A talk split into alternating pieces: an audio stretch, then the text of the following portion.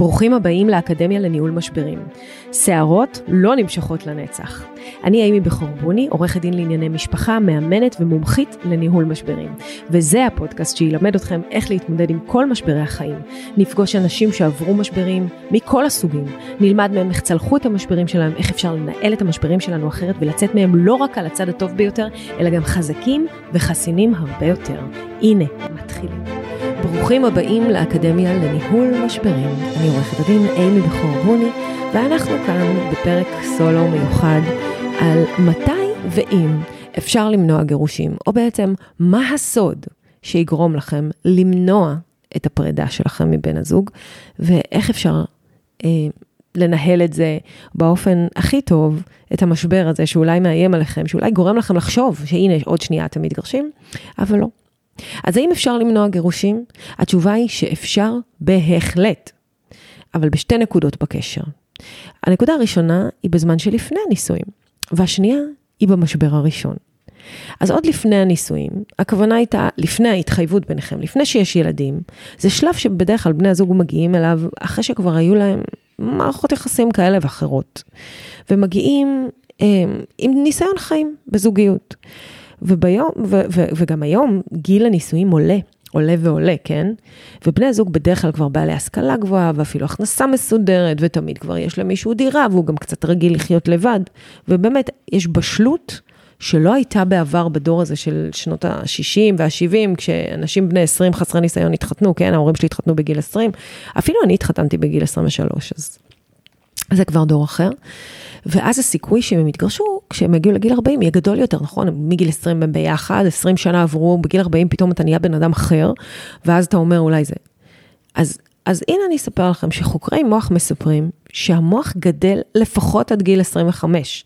זאת אומרת, אבא שלי, הוא היה אומר לי, נשבע לך, אני לא יודע מה חשבתי לעצמי שהתחתנתי בגיל 21, ולפעמים הוא היה מספר לי שהייתי אומרת, אבא, והוא לא היה מסתובב, הייתי אומרת, אבא, אולי מסתובב, מי? אני אבא? אני? כאילו, ההלם שבגיל 20 פתאום, 22, אתה פתאום אבא. אז אה, זה אמין לגמרי, גם בהיבט הביולוגי, המוח שלנו עדיין מתפתח עד גיל 25, פתאום בגיל 21-2 אתה אבא, זה הזיה. אה, והרבה פעמים באמת עילת הגירושים היא גדלנו למקומות שונים לגמרי, כי אתה כבר לא היית מי שהיית בן 20, אתה גדלת להיות מישהו אחר. גילית מי אתה אולי, ורק בשנים המאוחרות יותר אתה מצליח לגלות מה באמת מעניין אותך, מה אתה רוצה להיות בחיים, מי אתה רוצה להיות בחיים. ולפעמים זה פשוט לא מתאים, כי מה שהתאים בגיל 20 לא בהכרח מתאים בגיל 30. אז בשלב הזה, זה, זה אפשר למנוע, כי אפשר לדבר על הדברים גם. הנקודה השנייה שבה אפשר למנוע גירושים היא במשבר הראשון. לא חשוב אם מדובר במשבר בעקבות ילד ראשון או שיפוץ בית, זה משבר קריטי לכל החיים. הוא יקבע את החוזה הזוגי לניהול המשבר שלכם. מי לוקח אחריות, מה התפקיד של כל אחד ברגע הזה, ואם תזהו יחד את המשבר, תחליטו לפעול יחד, לתקן אותו, תייצרו שפה זוגית לניהול משברים ותפתרו אותו. הוא ישליך על כל האתגרים שתפ, שתפגשו בדרך. הוא, יחלי, הוא, הוא בעצם יקבע את השפה שבה תנהלו ריבים מעתה והלאה, וייתן את הכללים, את החוזה האמיתי לזוגיות שלכם. אחת הבעיות הקשות של זוגיות היא חוסר תקשורת שמותאמת, חוסר תקשורת שמותאמת לסיטואציה. נשים למשל מדברות, צועקות, פורקות, בוכות. גברים משתבללים, נסגרים, נאטמים, מחכים שיעבור זעם. תקשיבו, ככה חונכנו, זה לא שעכשיו אנחנו משנים את, ה, את החינוך שלנו. אז אם במשבר הראשון שלכם לא תצליחו ללמוד לתקשר ולדבר את המצוקה הזאת ולתאם ציפיות ולא יהיה גרף שיפור, והתוצאה בסוף יכולה להיות באמת אה, פרידה. אם תחליטו שלמרות הקושי, אתם מתרחקים לכמה שעות, מזקקים לעצמכם על מה באמת המשבר, אולי אפילו כותבים, מצליחים להיות מספיק בוגרים בתוך הדבר הזה, לכתוב מה באמת מפריע לכם לפני שתיגשו לדיאלוג הזה, ותחליטו עם עצמכם איך אתם מגיבים אה, אה, לדבר הזה בפתיחות ובהקשבה. ותרצו באמת לשמוע מה יש לצד השני להגיד, כמעט לא יהיה דבר שהזוגיות שלכם לא תצלח. כמובן, בתנאי שיש אהבה. אם התחתנתם לא מאהבה, אנחנו בסרט אחר, וזה לא הפודקאסט הזה. אבל כל עוד אם התחתנתם מאהבה, ויש לכם אה, איזשהו מכנה משותף גדול ורגשי, אז זה פתיר. אז דוקטור ג'ון גודמן אה, ונן סילבר חקרו מהם שבעת העקרונות לנישואים מאושרים, והם גם הוציאו ספר בשם הזה, עם כותרת משנה, מדריך מעשי לשיפור הקשר הזוגי. אה, ג'ון גוטמן הוא פרופסור אמריטוס לפסיכולוגיה באוניברסיטת וושינגטון בסיאטל, הוא יהודי, שומר מצוות, שאת התואר הראשון שלו אגב עשה במתמטיקה. הוא רצה להבין מדוע אנשים מתגרשים, ולאורך שנים אסף מאלפי זוגות נתונים שבסופו של דבר גרמו לו לנבא אם הם יתגרשו או לא. האמת, בדייקנות כמעט מפחידה. ב-91% מהמקרים הוא הצליח לנבא אם תתגרשו או לא. אחרי שהוא צפה בהם, לא יודעת, 15 דקות. בספר הוא מציין שבעה עקרונות לנישואים מאושרים, אפילו שהם לכאורה עקרונות הכי פשוטים, אולי אפילו אתם תחשבו שהם אינסטינקטיבית ידועים לכם, הם מייצגים דינמיקה שמונעת רגשות שליליים של בני הזוג זה כלפי זה. אפילו שברור שאתם יודעים, לכל זוג יש, יש רגשות שליליים. בואו, אי אפשר, אני 25 שנה נשואה, אני לא עכשיו כל היום לאבי דווי, כן, יש תקופות, לא יכולה לסבול אותו, יש תקופות שאני מאוהבת, אבל זה, מה לעשות, זה טבעי. אז אפילו שזה נראה פשוט, זה דורש תרגול, ולעיתים ביטול האגו, ובעיקר מערכת יחסים טובה שמושתשת על חברות אמיתית, היא אהבה, כמו שאמרנו, נכון? כי בחבר אמת שלכם, אתם לא הייתם פוגעים, לא הייתם בוגדים, הייתם נותנים לו כבוד, הייתם מקשיבים לעצה שלו, תחשבו איך אתם מתייחסים לחבר הזה שאתם מחזיקים ממנו, החבר הכי טוב שלכם, החבר הזה שאתם ככה איתו הולכים דרך ארוכה. חברות בין בני זוג מחזקת את הלהבה שלהם וחוזה את עתידה של מערכת היחסים. אז הנה לפניכם שבעת העקרונות לנישואים מאושרים. על פי דוקטור ג'ון גוטמן, כן? ונן סילבר. לא לפי, לפי מה שלי יש להגיד, אני אגיד לכם אחר כך. אז אחד, שפרו את מפת האהבה שלכם. הכירו לפרטי פרטים את עולמו של בן הזוג שלכם. נגיד, כשהוא מזמין לך סלט בקפה, הוא יודע שאת אוהבת את הרוטב בצד ובלי לחם, או בלי הטוסטונים, או כשאת מקליטה לו את התוכנית האהובה עליו שהוא נשאר לעבוד עד מאוחר, או כשהוא זוכר לשאול אותך אם קיבלת את הלקוח החדש שלו שעצבן אותך בטלפון לפני יומיים, ואת זוכרת לשאול אותו איך עברה הפרזנטציה, זה גורם לכם להרגיש חשובים זה בעיני זה. זה מפת האהבה שלכם. זה גורם לכם להרגיש חשובים זה בעיני זה. הפועל לקיום יחסי מין במקרא, כן, בתורה, הוא ידע. אדם ידע את חווה. והידע הזה הוא כוח, הוא יוצר עמידות בפני סערות גירושים. ככל שמפת האהבה שלכם תהיה מפורטת יותר, ככה הזוגיות שלכם תהיה חזקה יותר. אחת המתנות הגדולות ביותר שבני זוג יכולים להעניק זה לזה, אומר דוקטור ג'ון גוטמן, היא השמחה הנובעת מתחושה שמכירים אותם ומבינים אותם. ומפות האהבה הם צעד ראשון. אתם צריכים לעשות בדיקה מה אתם באמת יודעים. עכשיו, אני אגיד מילה על זה מהניסויים שלי.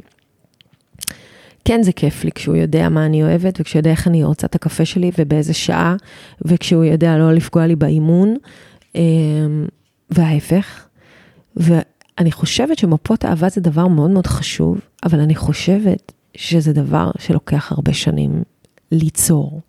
מפת האהבה שלכם כשנפגשתם לא יכולה להיות דומה למפת האהבה שלכם אחרי עשר שנים, ששם אתם כבר מכירים אחד את השני, ויש חשיבות ומשמעות להיכרות הזאת, אבל מה שכן, זה לשים את זה במודעות. ככה, בכל פעם שאתם רואים איזה משהו שהוא אה, משמעותי לבן זוג שלכם, לזכור אותו ולרשום אותו במפת האהבה הזאת. וזה בסדר גם להכין כזה, כזאת מפה שתלווה אתכם בכל פעם להוסיף כדי לא לשכוח. לא רק בראש. שתיים, טפחו את החיבה וההערצה שלכם. העובדה שבן הזוג שלך ראוי להערכה ולכבוד גורמת לך להוקיר אותו, ובכך לא לבגוד בו. זכרו את התכונות החיוביות שלהם שגרמו לכם לבחור בהם בתחילת הדרך. אם אין חיבה והערצה הדדית, אין סיכוי לנישואים. כי במקום שבו אין חיבה והערצה, מה יש? יש בוז. אם את לא מעריכה את הבן זוג שלך ובא לך להקים ממנו, אז את בבעיה. איפה שיש הערכה, יכולה להיות גם הערצה, יכולה להיות גם חיבה, ויכולה להיות יותר הכלה. כי יש לך הבנה למי הוא ומה הוא, ואת מעריכה את זה. מה שג'ון גוטמן בעצם אומר, זה אומר, תחפשו כל הזמן את הרגעים הקטנים היומיומיים האלה שעושים לכם את זה, כן? למשל, אתה נראה מדהים היום, תודה שאירחת את המשפחה שלי עם ארוחה מדהימה, אפילו הודעות סקס באמצע היום, או משהו אפילו רומזני פלרטטני, כמו אני חושבת עליך, או קבענו להיום בלילה. זה כל מיני ערובה לשימור אינטימיות בזוגיות. אפשר לתרגל אינטימיות וחיבה באמצעות העלאת זיכרונות של חוויות רומנטיות משותפות למשל, כן? צריך לעשות את זה. זה משמר תפיסה חיובית של נישואים, כן? להיזכר. וואי, אתה זוכר איזה מהמם היה לנו בטיול ההוא ביחד, ואתה זוכר איזה קטע שנפל לנו בדיוק החשמל בזה, או שהאוהל קרס בגשם. כאילו, הזיכרונות האלה מייצרים את מערכת היחסים שלכם, ועוזרים לכם לטפח את החיבה. שלוש, בואו זה לקראת זה, ואל תפנו עורף. טוב, זה באמת ממש קל לכתוב ולהגיד, תבוא לקראתי, תבוא לקראתי. אבל uh, בני זוג עושים הרבה מאוד דברים בחיי היום-יום כדי למשוך תשומת לב של הבן זוג ולקבל תגובה. עדיף לדאוג שכמובן התגובה הזאת תהיה חיובית, לא שיפוטית, לא ביקורתית. אני אגיד לכם, דוקטור ג'ון גוטמן, פרופסור גוטמן, מכנה אותם מכרזים, אוקיי? תעשי לי מסאז' בגב, או תכיני קפה, ואז אתה בוחן את הצד השני, אה, האם הוא מגיב בהדדיות ועושה את זה, ומצפה שאחר כך תעשה לו גם מסאז', או מפנה עורף. ולא להפנות עורף זה בסיס לאמון הדדי, בעצם לחיבור רגשי, לתשוקה, וגודמן טוען גם לחיי מין מספקים. שהיא שואלת, יש חלב? ואתה עונה, אין לי מושג, אבל אם צריך, ילך לקנות, כדי שבטוח יהיה לך קפה בבוקר, במקום להגיד לה, רק אין לי מושג ולהתעלם מזה שהיא צריכה קפה, חלב אה, לקפה בבוקר, זאת בחירה מודעת לבוא לקראת ולא להפנות עורף. גוטמן גילה, בני זוג נשארים נשואים, באו זה לקראת זה ב-86% מהזמן. אלה שהתגרשו, עשו את זה רק 33% מהזמן. זאת אומרת שהצעד הראשון הוא פשוט להיות מודעים לכך שהמכרזים האלה, כן, הם חיוניים. לא רק לרמת אמון גבוהה, אלא גם לרמת רומנטיקה מתמשכת, אינטימיות, רצון לעשות סקס. אנשים לא מבינים, באים אליי כבר אמרו לי, מה, היא לא רוצה לשכב איתי. מה, אני באה הביתה בסוף היום, היא לא רוצה, היא לא רוצה. ברור שהיא לא רוצה. לא היה קשר כל היום, או היה איזה ויכוח בבוקר, ואז אתה רוצה רגשית שהיא תבוא ותהיה מוכנה ישר לעשות איתך סקס. לא עובד ככה. לא עובד ככה. איפה היית כל היום? איפה הייתה האינטימיות הקטנה?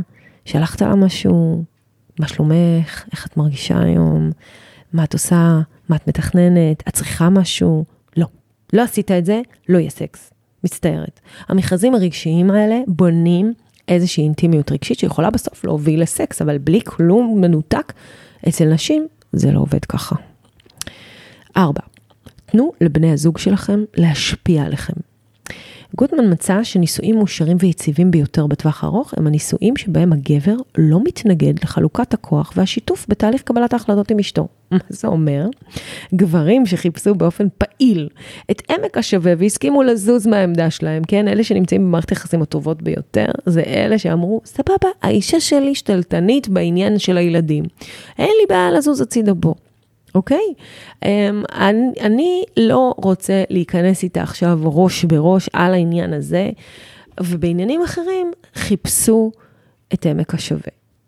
וההתייחסות היא לגברים, כיוון שעל פי רוב המחקרים, נשים קלות יותר להשפעה ומוכנות להקשיב ולשנות את דעתם. בדרך כלל מנסות להוריד את רמת השליליות. זה מחקרים אמרו, לא אני, שלא יגידו שאני איזה פמיניסטית. לעומתם 65% מהגברים הגיבו באופן שלילי, כולל בהתעלמות. גברים יש להם נטייה לפאסיב אגרסיב וביוסיב, הם פשוט מתעלמים. חושבים שאם הוא יתעלמו זה יעזור, לא מבינים שהיא תמשיך לקדוח ותמשיך לא להיות מרוצה וזה לא יעזור. נשים וגברים מדברים בשפות שונות. ככל שהגבר לא יתנגד להשפעה של אשתו את חיי הנישואים שלו יהיו מאושרים יותר. וגם האישה תהיה פחות נוקשה. גם אם לה יש בעיה, זה בגלל שהיא כבר הבינה שאתה מתעלם. אז בוא תראה לה שאפשר לא להתעלם, וגם היא תהיה פחות נוקשה. קבלת השפעה זה לא אומר להגיד כן, כן הכרתי, כן הכרתי לכל דבר שהיא רוצה, לא. אבל אפשר לבוא ולבטא רגשות שליליים או קשים, במקום לפעול בהתנגדות, ואפשר לפעול בהקשבה. מה זה התנגדות? זה הפסיב הזה של את מדברת איתו, ואז הוא, הוא בגלל שהוא לא יכול להכיל את כמות המלל והרגש, אז הוא פשוט סותם. ואז הוא שותק. והשתיקה הזאת היא שתיקה קשה מאוד ורועמת. אני זוכרת שבתחילת הנישואים שלנו, אני חושבת שזה היה אחרי שנולד יותם, זאת אומרת בערך, לא יודעת, ארבע או חמש שנים, חמש שנים לתוך הנישואים, אמ, הלכנו לייעוץ זוגי, מהסיבה הזאת. פשוט מאוד, הייתי רבה איתו, הייתי משתוללת, והוא שותק, שותק, שותק, שותק, שותק, והייתי אומרת לו, מה, מה, עכשיו, ככל שהוא היה שותק, אני הייתי יותר משתוללת, כי אני רוצה תגובה, אין תגובה, לא שלילית, לא חיובית, מתעלם, מחכה שיעבור, מחכה שילך לישון, לפעמים פיזית היה נכנס למיטה, הולך לישון, הייתי משתגעת, משתגעת. אמרתי לו, אני לא נשארת פה, אתה מתעלל בי, אני רוצה טיפול. וכשהלכנו לייעוד זוגי, אז באמת, הוא העלה את המצוקה שלו, אני העליתי את המצוקה שלי, אבל דבר אחד היא אמרה לו. היא אמרה לו, השתיקה הזאתי קשה בדיוק כמו אלימות. אם נותנים למישהו סטירה, או אם פשוט לא עונים לו במשך שעות, זה אותו דבר. ולכן, אין בעיה לשתוק, אבל תדבר את השתיקה שלך. זו הייתה הכי טובה שקיבלתי אז. היא אמרה לו ככה, אתה רוצה עכשיו זה גדול עליך? אתה אומר לה, שומעת, אימי, השעה עכשיו 11. אני עד אחת לא מסוגל לדבר, אני צריך שעתיים. ואז היא תדע שהיא מחכה שעתיים, כי אין לה מי לדבר שעתיים, ובעוד שעתיים אתה פרטנר לשיח. ואז אתה מתגייס בשעתיים האלה וחושב מה אתה אומר, והשעתיים האלה גם יעשו הפוגה ביניכם, ואז אתם תנהלו את זה. וככה היה. הוא לא שתק יותר לשעות, ימים, מעולם. תמיד אמר לי, טוב, אני עכשיו יוצא לשעתיים, או אני צריך רגע שעתיים, או שלוש, או בואי נדבר מחר בבוקר, אם זה היה בערב. בואי נדבר על זה מחר. אה, וזה עבד. אחלה עצה. ליועצת הזאת קראו אהובה, זיכרונה לברכה, דוקטור אהובה שפירא, הייתה מדהימה, זיכרונה לברכה. אוקיי, ואנחנו אה, בחמש. תפתרו את הבעיות הפתירות שלכם. אם אתם מקשיבים זה לזה, ומושפעים זה מזה, ויש לכם בסיס טוב לפתרון, ואתם חברים כמו שדיברנו, כל מחלוקת שמתעוררת ביניכם, יש דרך בדוקה להתגבר עליה, אוקיי? קונפליקטים בהקשר הזוגי, אין שום בעיה, ובאמת, על כל קונפליקט זוגי שתרצו, יש פתרון. באינטרנט, בפייסבוק, אצל יועצת, אצלי, בספר, איפה שאתם לא רוצים. אם יש בעיה, אפשר לפתור אותה. שש, הימנעו ממבוי סתום. למשל, אחד מבני הזוג לא מעוניין בילדים. וואלה, מה אפשר לעשות? אתה לא הולך ומתחתן עם מישהו שאומר לך מראש שהוא לא רוצה ילדים, אתה לא עושה זוגיות עם בן אדם כזה, אם אתה רוצה שישה ילדים. או אחד דתי והשני אתאיסט. אני ראיתי הרבה זוגות שמנסים להתגבר על, ה, על ה, בעצם פער הזה, כשאחד ממש דתי וגם הולך ונהיה יותר ויותר ומתחזק, והשני אתאיסט חילוני, בסוף חברים, זה לא עובד. בסוף זה לא עובד. כשבני זוג מנהלים את אותו ויכוח פעם אחרי פעם אחרי פעם, אתה כן תשמור שבת, אתה לא תשמר שבת, אתה כן תשמור, אתה לא תשמור, תלכי למקווה, אתה לא תלכי... הם לא מצליחים להגיע לפתרון, הפער נפער ונפער, התסכול גובר, וזה לא יעזור. אבל אני רוצה ילדים, למה אתה לא רוצה?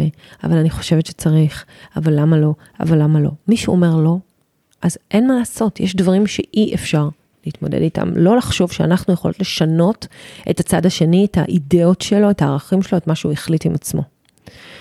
ככל שתכירו את זה טוב יותר, תזהו את החלומות בבסיס הקונפליקט הזה, תוכלו להגיד, זה החלום שלי, אבל זה לא החלום שלו, וצריך לשים את החלומות האלה על השולחן, לדבר עליהם, לדון על השקפות העולם השונות. אין מקום להשתיק את החלומות של בן הזוג. אין מקום להגיד לה, ממי, לא יהיה ילדים, סבבה? אין ילדים, זהו. גם אם אתם לא, לא תאמים את החלומות שלכם, אתה לא יכול להשתיק את זה. זה עבודה שדורשת זמן, תכירו, תכבדו את התקוות, את החלומות. זה מפתח להצלחה ולהשערה של הנישואים שלכם, וזה יכול להיות גם מפתח לפרידה. אם אתם יודעים מראש, אז אתם לא נכנסים לשם. ואז הסיכוי שלא תתגרשו גדול מאוד. ושבע, הנה הגענו לשבע, צרו משמעות משותפת. הנישואים שלכם יכולים לעבוד גם אם החלומות והשאיפות שלכם לא מסונכנים. אבל הם יכולים להיות הרבה יותר מתגמלים ככל שתסכימו על יותר דברים. יש ארבעה מרכיבים חיוניים למשמעות משותפת, אוקיי? אחד, מסורות של חיבור. למשל, כל מה שקשור למסורות, ארוחות ערב משותפות, אמ, אפייה משותפת, חגיגת ימי הולדת קבועים במקום מסוים, כל מיני אה, מסורות שאתם קובעים לעצמכם. נגיד לנו יש מסורת שבכל יום הולדת שלי, אנחנו נוסעים כל המשפחה, כל המשפחה, כן? גם אלה שיש להם חברה וגם אלה שלא גרים בבית וגם אלה שכן, לא משנה. כל המשפחה ביחד. זה המסורת, אני דרשתי אותה, היא משמעותית עבורי. אה, השני, תמיכה בתפקיד זה של זה, אוקיי? אה, אתם צריכים להראות, איזושהי אה, תמיכה בך ולהיות חזית אחידה. למשל, אם אחד מכם הוא הורה שהוא נוקשה, נוקשה יותר, אוקיי? תתמכו בתפקיד שלו כהורה נוקשה באותו סיטואציה, אתם לא שוברים לו את המילה. השלישי זה מטרות משותפות, רמת הכנסה מסוימת, בו מחליטים לקנות בית ביחד, מחליטים על טיול גדול משותף.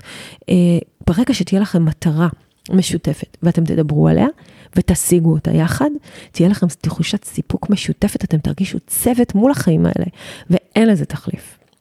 והרביעי, ערכים וסמלים משותפים. ערכים ואמונות הם עמוד תווך במשמעות משותפת בחיי הנישואים. לפעמים מיוצגים על ידי סמלים, כן? נגיד יש בני זוג ששניהם מנשקים מזוזה, מזוזה או חנוכיה, ולפעמים סמלים מופשטים. סיפורים משפחתיים שעוברים מדור לדור, תמונות, ועוד ועוד ועוד. מה הערכים שלנו, מאיפה באנו. ככל שהם יותר משותפים, יותר, יותר חיבור, יותר סיכוי להישאר ביחד. הסוד האמיתי לנישואים טובים וארוכים, בסופו של דבר, חברים, הוא רק דבר אחד. חברות אמת שיש בה משיכה מינית, אינטימיות, פרגון וכבוד הדדי. זאת הנוסחה. האם בהכרח מי שיש לו את כל זה לא יתגרש? לא. לא, נו, לא, מה אני אעשה? לא. החיים מפתיעים מאוד.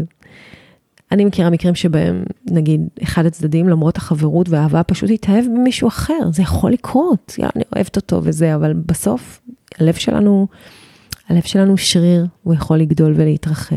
לפעמים אנחנו יכולים פשוט להתאהב במישהו אחר. לפעמים אנחנו יכולים להתאהב בעוד מישהו. אבל אין ספק שהסיכוי לגירושים יקטן אם ככה תראה מערכת היחסים שלכם, כמו שדיברנו קודם, עם כל השבעה דברים החשובים והמשמעותיים האלה. ובהחלט אפשר לשאוף לזה, ואפשר לעבוד בזה. אפשר לבנות את מערכת היחסים, לטפל בה. והשאלה תמיד תהיה, באיזה עיתוי עצרתם? אם אתם בשלב שבו הסערה כבר משתוללת והלב ננעל, זה שלב שקשה מאוד לחזור ממנו. אבל אם תשימו לב לסימני המשבר המתקרב, לתמרורי האזהרה שבדרך, תעצרו, תנסו למנוע במודע, עם תוכנית ניהול משברים, זאת למשל שיש בספר שלי שערות לא נמשכות לנצח, ותעבדו לפי התוכנית הזאתי, אז הסיכוי שתתגרשו יקטן מאוד. ואם כן תגיעו לכך אחרי שעבדתם על זה יחד, הפרידה עצומה כבר תיראה אחרת. אין על מה לדבר. אז זהו, זה היה הפודקאסט של היום. אה, אני מקווה שנהניתם, אני מקווה שלמדתם משהו, ואני הכי מקווה שתיישמו. ובכל מקרה, אם הפרק הזה תרם לכם, אני יותר מאשמח שתשתפו אותו עם כל מי שאתם חושבים שהוא יכול לעזור לו. אני אשמח גם לקבל מכם משוב בפרטי, בפייסבוק, בגוגל, באינסטגרם, בטיקטוק, איפה שאתם רוצים, תכתבו לי מה חשבתם ואם זה עזר לכם. תודה רבה, אני הייתי עורכת הדין אימי בחור בוני, וזה היה הפודקאסט, אקדמיה לניהול משברים.